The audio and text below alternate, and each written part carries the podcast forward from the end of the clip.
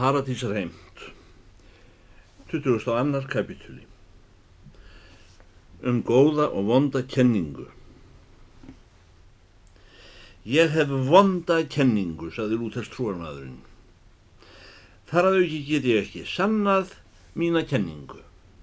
Sá hefur besta kenningu sem getur sínt fram á að hann hefur mest að geta og góða skó. Ég hef horugt og liggi dögg áti. Ætlum að kannist ekki við tónin, sagði Runólur prestur. Þeir sem aldrei hafa ísigni á þreytast sent á að lýsa ógeði sínu á fólki sem hefur að geta. Þó hefur einn af spámanunum sagt að maður þurfa að hafa í sig og á til að fá yfkað digðir. Þið gleymi því að sér hver hlutur ber í sér æðri hugmynd. Góð kjötsúpa öngu síður en par af stífjölum. Þeir grísku nefndu þetta ídefuna. Það er eftir þessum andlega og eilíflega eiginleika allrar tilverunar og sér hvers hlutar sem við mormónar lifum. Ef einhver er svo duglaus að hafa hvort í kjötsúpunni stífjöl, nýja mandáð til að hefjast úr daggáti. Hann er ekki líklegur til að hafa andan nýja eiliðina heldur. Mér er sama, saði lútestrúarmadurinn, enginn þvælin mig til að trúa öðru en Adam hafi verið skýta kall og ekki bætti efa um. Um þær myndir var mikið veður gert úr þeirri ofinberu kennisetningu að Adam væri guðlagra náttúru öngu síður en frelsarinn sem helgaðist af því að Guð hafiði sjálfur gert sér það ómag að skapa báða sér á parti. Lúterstrúarmadurinn hitti þarna á málefni sem vakti heldur en ekki trúar hetjuna í, í brjósti Runolfi presti. Átti ég ekki á því vona það kæmi líka, saði Runolfi prestur. Það hefur æfinlega verið viss passi drikkjumann á hvernabósa að skamma Adamgreið. Allir sem vita eitthvað upp á sig flýta sér að skjalla skuldinni á hann. Ég get aftur á móti frætti og því að Adam var besti maður. Þeir sem hallmæla Adam eru sínir fráfælsins mikla og stóru villunnar. Heldur þú að drottin hersveitarna hafi lagt sér niður við að búa til einhvern skítakall? Eða kannski lúterstrúarmann? Heldur þú að þegar Guð bjó Adam til hafi hann nota lakara efni en þegar hann bjó til frelsaran? Ég neyta því að nokkur eðlismunur sé á Adam og frelsaran. Má ég spyrja hvaða fræðarstryk gerði Adam þessi? spurði lúterstrúarmadurinn. Hann hann kannski nokkuð upp úr sér? Aldrei hef ég heyrt talað um hann hefði eignast hús og því síður vagn. Ekki einu sinni skó. Ætlan hef ekki leið í daggáti eins og ég. Og hvað hafði hann að geta? Heldur þú kannski að hann hefði drukkið stór súpu hundags og haft kalkún og trönubær og sunnudugum? Best get ég trúað hann hefði aldrei fengið í sig hálfan nema þegar að nátt þetta eppli sem kellingar áltin réttunum. Á þessum ósköpum gekk í bryggleikjaragarðinum dag og nótt, þó sjaldan kyrjum þverbak fyrir henni afturheldingu.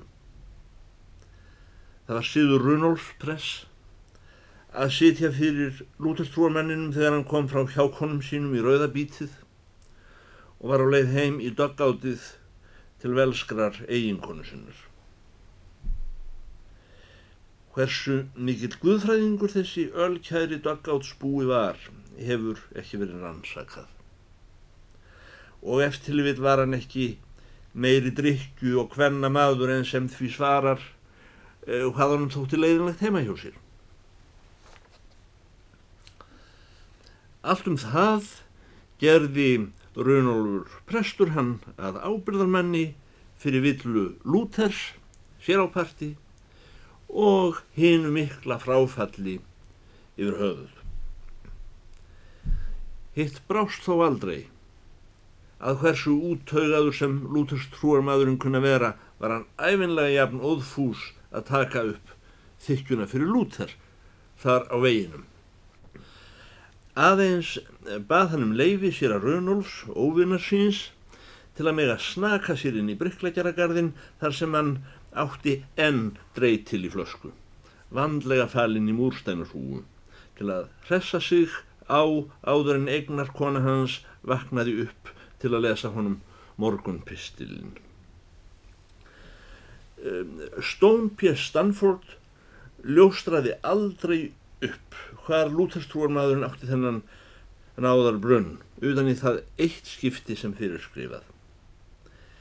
En þegar lúterstrúarmadurinn hefði einu sinni náð til flöskusinnar í gardinum fekk engin kraftur lengur haldið aftur af honum í henni óendanlegu þrætu sem virtist eiga tilgangsinn í sjálfri sér við Runolf Prest.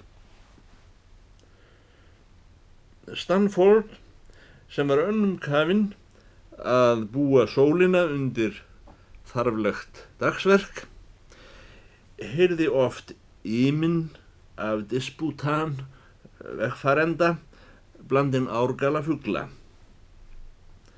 annars vegar brennivín hins vegar heilagur andi.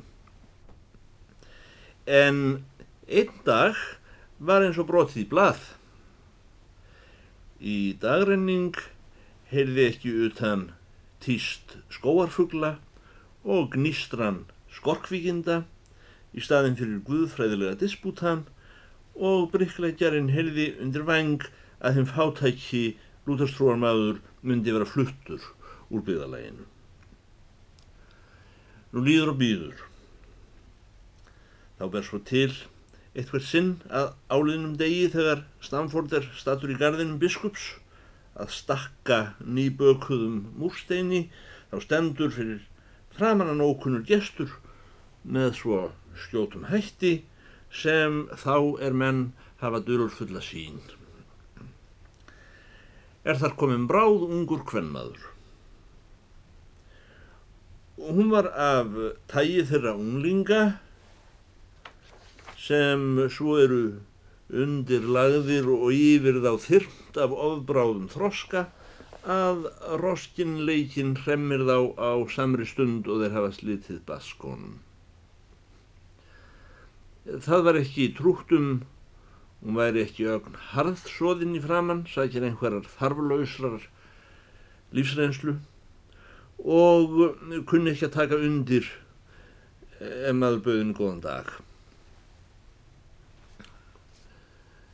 Mamma sendi mig, sagði stúlkan og beit á örin eist að þess að brosa. Ég átt að færa þér kaffi.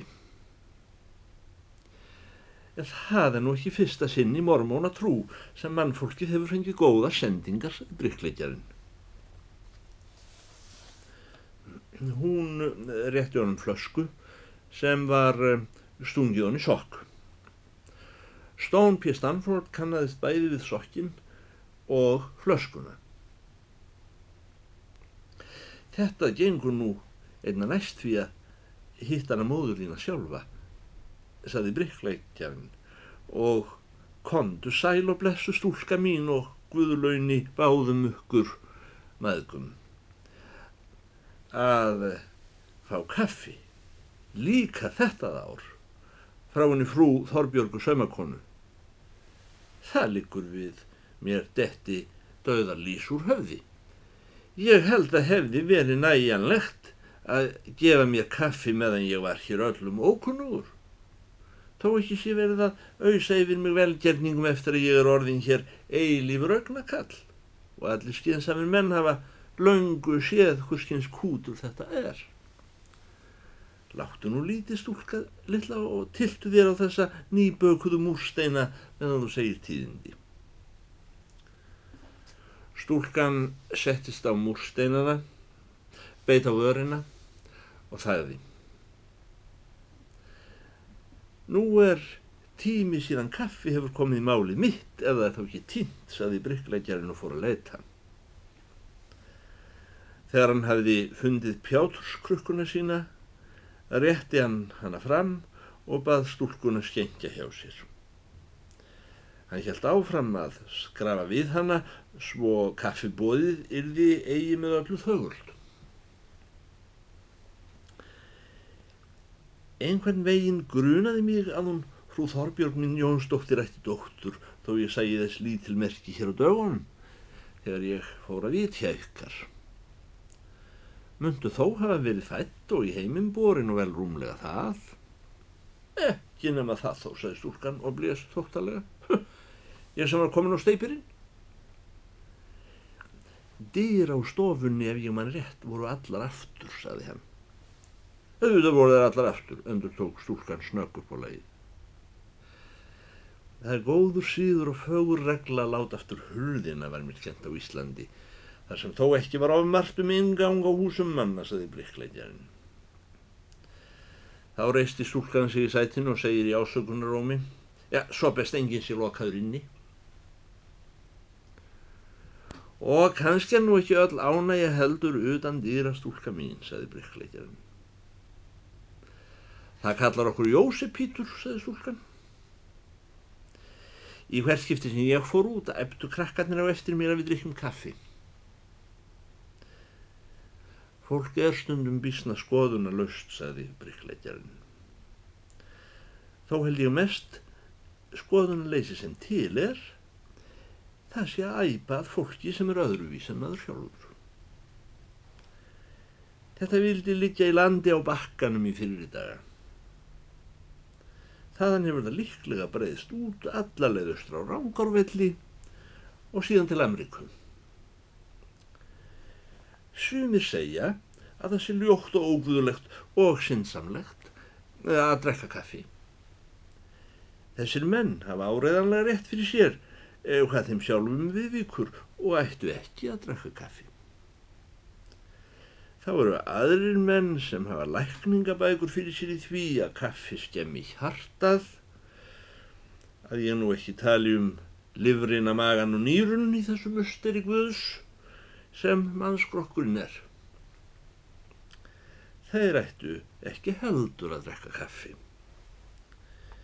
Ég segi fyrir mig, ég drekk æfinlega kaffi þegar ég finn mér bóðið af góðum hug en reyndar ekki nema hálft málið. Það kom svo sem fleira til en við drikkjum kaffi, saði stúlkan. Ég skil það, saði bryggleikjarinn. Þið voruð einar. Samt hefur verið hugun í því að vita sig eiga pápa sem var hugsandi maður. Enginn nema hugsandi maður myndi fara burt frá annari eins myndar konu og móður þín er og þér svona efnilegri til þess að taka múti frelsaranum í indi pindis með súr í. Hann, fadir minn, kann að hafa hugsað djúpt um leið að hann fór frá henni mömmu, saði stúlkan. En hann þurfti ekki að hugsa djúpt til að hlaupa frá mér, því ég fætist ekki fyrir nárið eftir að hann kom upp tindur. Óskum mingast ég mín hvað ég hef verið durtslegur við ykkur maður að láta aldrei verða úr því að dittað húsin ykkar sem ég var þó búin að dragast á. En tíminn verður ótrúur til kurteisisverka þegar maður er að puða fyrir sjálfan sig. Hann er torskildur múrsteinnin, engur síðan en sjálf gullbókind. Síðan tekur við guðlegt starfi í vörðunni fram á nætur.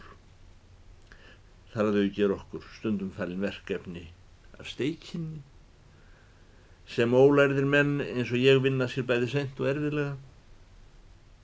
Og hvað eru tómstundunar einhvern veginn hef ég aldrei komist upp á lag með annað en sofa blá nóttina að minnst að kosti fram í það fugglarnir byrja týsta og lítið batna nú þar sem ég er í tilferð að reysa mér hús En ég veit um einn góðan mann sem er vinur okkar í raun. Hann Ronki, saði stúlkan. Það getur verið að hann sé besti maður. Hann getur að minnst að kosti hrakið aðra menn burt sem kannski eru ekki mikilsvirði í hans augum. En hvað hefur það vonum í staðin?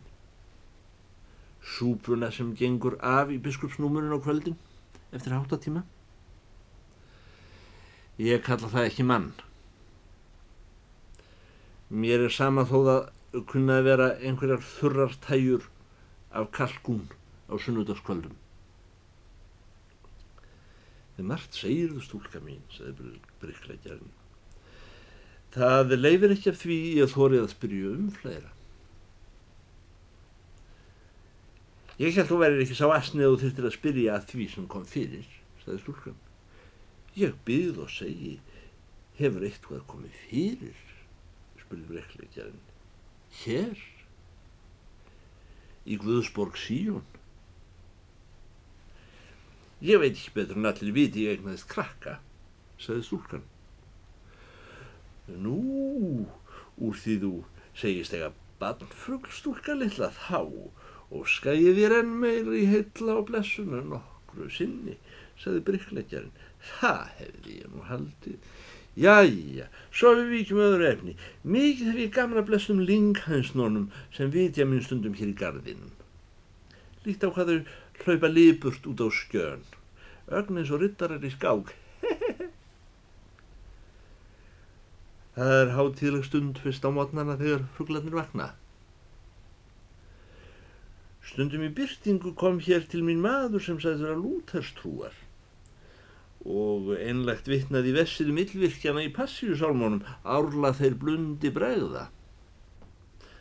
Seinast veit maður ekki gjörla hver er mestur yllvirkinn, sá sem fer snem á fætur eða hinn sem fer sent að sofa. Það er eins og mjög minnið hann hafa átt hér flösku í steinarhúu. Það var hann, sagði stúlkan. Þetta var fríðilinn hennar mömmu. En það var eins og herrunu lígi sem mamma bar upp á bæði hann og mig að hann setti í mig brennivín.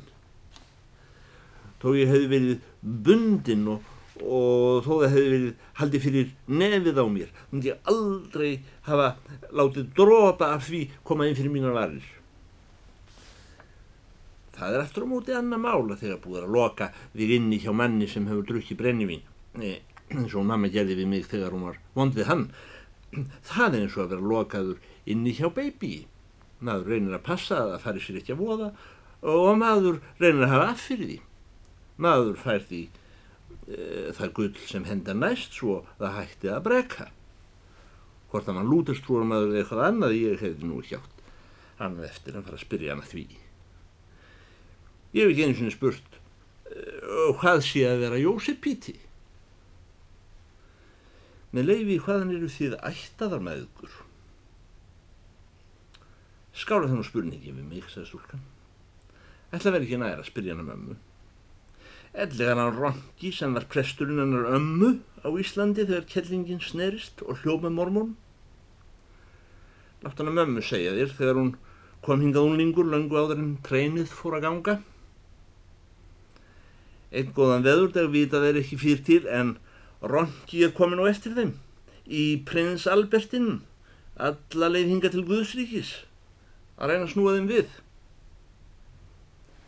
Hann messaði hérna upp á hólunum í litlu ljótu kirkjunni sem tekur einn múlasna og sett á hann að kross. En var þó setn. Mamma mín var trúlófið Jósefíta síðan faðmaði hann Guðspjallið og fór að passa rótlunar hjá biskupnum. Það getur vel verið hann þessi besti maður og víst er um það hann hjálpaði okkur að komast yfir saumamaskinuna svo við getum unni fyrir okkur og nú þegar við erum búin að selja hana af því enginn vil láta okkur sauma sín ég átti krakka með heiðingja og þórum ekki að láta sjá okkur valmannafæri vallinu svona að fara í búðina en það er nú ekkert að kaupa fyrir Þá sapnar hann saman dagsleifonum í biskupsnúmerinu og færir okkur á nóttinni. En þetta er engin maður. Og því lígur ekki um móður mín. Heldur göngum við í saltpitt en taka hann rongi til okkar. 2003. kapitúli Nálabriði skilað Nú er þar til máls að taka. Er þjóðreikur biskup hefur farið um Ísland í tvö ár að bóða mannum trú og dýfa þeim í en hefur þar á undan setið vetralangt í Danmörku að semja bók og láta prenta handa Íslandingum. Á Íslandi dvaldist hann lengst af í þeim landshlutum þar sem ekki höfðu viðhjað mormónar áður og taldi trú fyrir mönnum oft við lítinn orðstýr en uh, basmíðar strjáluðust. Um uh, bók sína hefur þessi postuli komist svo að orði að hún sé hefð eina trúarbræða rít sem borið hafi verið um Ísland með sérstöku leifi Danakonungs þvert ofan í vilja landsmanna, engum síslumanna. Og þó hefð fyrsta samið af Íslandingi á voru tungu án þess þar væru allar trúarhugmyndir fengnar láni hjá Danakonungi. Kallaði hann fátækum þrælum Danakonungs á Íslandi síst ágótt að berja sig. Enda kæmi barsmiðara álíka mikið við sig eins og þegar sveitarómægi er að berja fisk norður á langanesi. En um Kristján Vilhjálmsson hefur þjóðrækur biskup sagt á prenti að e, konungur væri sá einn maður í ríkinu er sérteldi innsiglaðan sendibóða Jósef Spámans jafngildan í trúarefnum. Ætti hann af þeim sögum virðingu þjóðræksbiskups óskipta enda sé konungur þessi af sömu þjóð og andlegur faði Dana, Lúther sjálfur. Hann uh, var nú búið að berja þjóðreik, mormón, svo oft og víða um Ísland og kom fyrir lítið að heita mátti komið upp úr á mönnum í flestum byðarlögum að streyta í því verki. Hvar sem þjóðreikur biskup gerðis mönnum fyrirvinna á trúbáðsferðum e, þá hefur hann aflað sér persónlegar virðingar sérhvers manns stendur í vikublaðinu þjóðorfi. En e, það eru lög mormóna af Guðisett fyrir munn spámansins að postular Guðspjálsins skulu ekki fara út með pingju heldur standa undir sjálfum sér á trúbáðsferðum hafði þjóðreikur biskup verið tvö sumur kaupamaður fyrir norðan land og róið sína vestíðina í hvorum landsluta austanlands og vestan. Þegar líður á sumar, hið síðara er þjóðreikur biskup dvaldist á Íslandi að því sinni, þá rifjaðist upp fyrir honum að hann á skapnaðar erindi að reyka sur undir steinallíðum áður hann fyrir landi á að færa þar konu einni nálabrið og hlera. Hafði hann lofað manni nokkrum þessu í kaup, kaupinhafn fyrir nokkrum missirum. Nú axlast svo til að hann hefur viðkomið við þessari sveit þegar hann kemur austan á landi undir réttir hefur hann þá ekki með sér annað en hatt sinn, vafinn smjörpappir að síða Amerikumanna, en í paufa hans er ekki eftir utan skýrstan. Ónbröð og ögn af kandi sanda börnum. Bækur hans allar uppgengnar. Stígvél hans voru þó enni jafn væn og nokkru sinni hafa menn það fyrir satt að á hörðum fjallvegum með ekkjagrjót svo og í apalsraunum á söndum og í forarmýrum.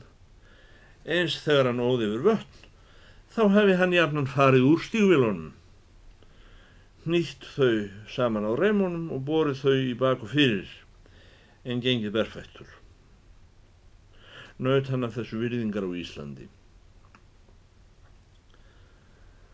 Nú var sá tími sumars að töður eru löngu hyrtar og góð engi uppslegin.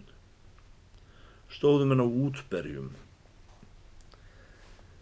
Þegar þjóðreikun biskup er komin undir steinalíðar, spyr hann til vegar að hlýðum. Menn leiða hann augum hissa. Sumir kannast ekki við að bær sé til með því nafni. Loks kemur hann þar sem þjóðgatan liggur um form bæjarlöð. Voru þar miklir traðarveikir og flestir illakomnir. Frægir gardar sem áður höfðu horfið um túnið voru nú einnegi nýður nýttir en sumstaðar bersinlega rofin í þá skörð af mannavöldum til að auðvelda ágangin. Í kvik nöguðu túninu stóð ekki eftir nema hóf sólegar brúskur en sumt var flag og kom þar upp arfi. Þó var enn margt af ágangspeningi bæði söðfí og stórgripir að gæða sér á rótinni. Gróthrunið sem orðið var úr fjallinu hefði eitt sér nægt til að gera túnið óvinnandi. Bærin var eittur. Höfðu mann rofið þeikjuna og flutt allt timburkins á burt. Vekja tætturnar voru druknaðar í heimulu. Tveir auðnutillingar flugu felmdraðir úr njólanum og voru horfnir. Biskupin hafði að vísu ekki fengið dinnir, settist þó á bæjarhelluna og stangað úr tönnum sér með puntstrái lengi. Eði blærin andaði um rústina. Hér hefur meira lítið gengið ásæði mormónin loks við vökkfarendur er þar eiga leiðum og vekja hann að dvala. Hvað er til marg sem um það? spyrja vekkfærandur. Það flugu hér upp tveir auðnutillingar, segir mormónin, hvað er blessa fólkið? Hann hefði lítið upp úr þessum vekkfærandum annað en fólki verið laungu komið á tvist og bast. Bóndin strauk í mormónavilluna að því er mann halda en umbóðsmaðurinn og leirum lagði undir sig jörðina og sömur segja hann hefði gert stúlkunni barn sem fjást þú vist aldrei meðgengið. Engin sem veginn fór var svo fróður að kunna nákvæm skil á því hvar fólkið væri niður komið. Sveitin hafði ráðstafað því sóður. Einn hvaða víst sett niður í afdölum, annar taldi þó að eitt hvaða því væri niður á sjávarbæjum.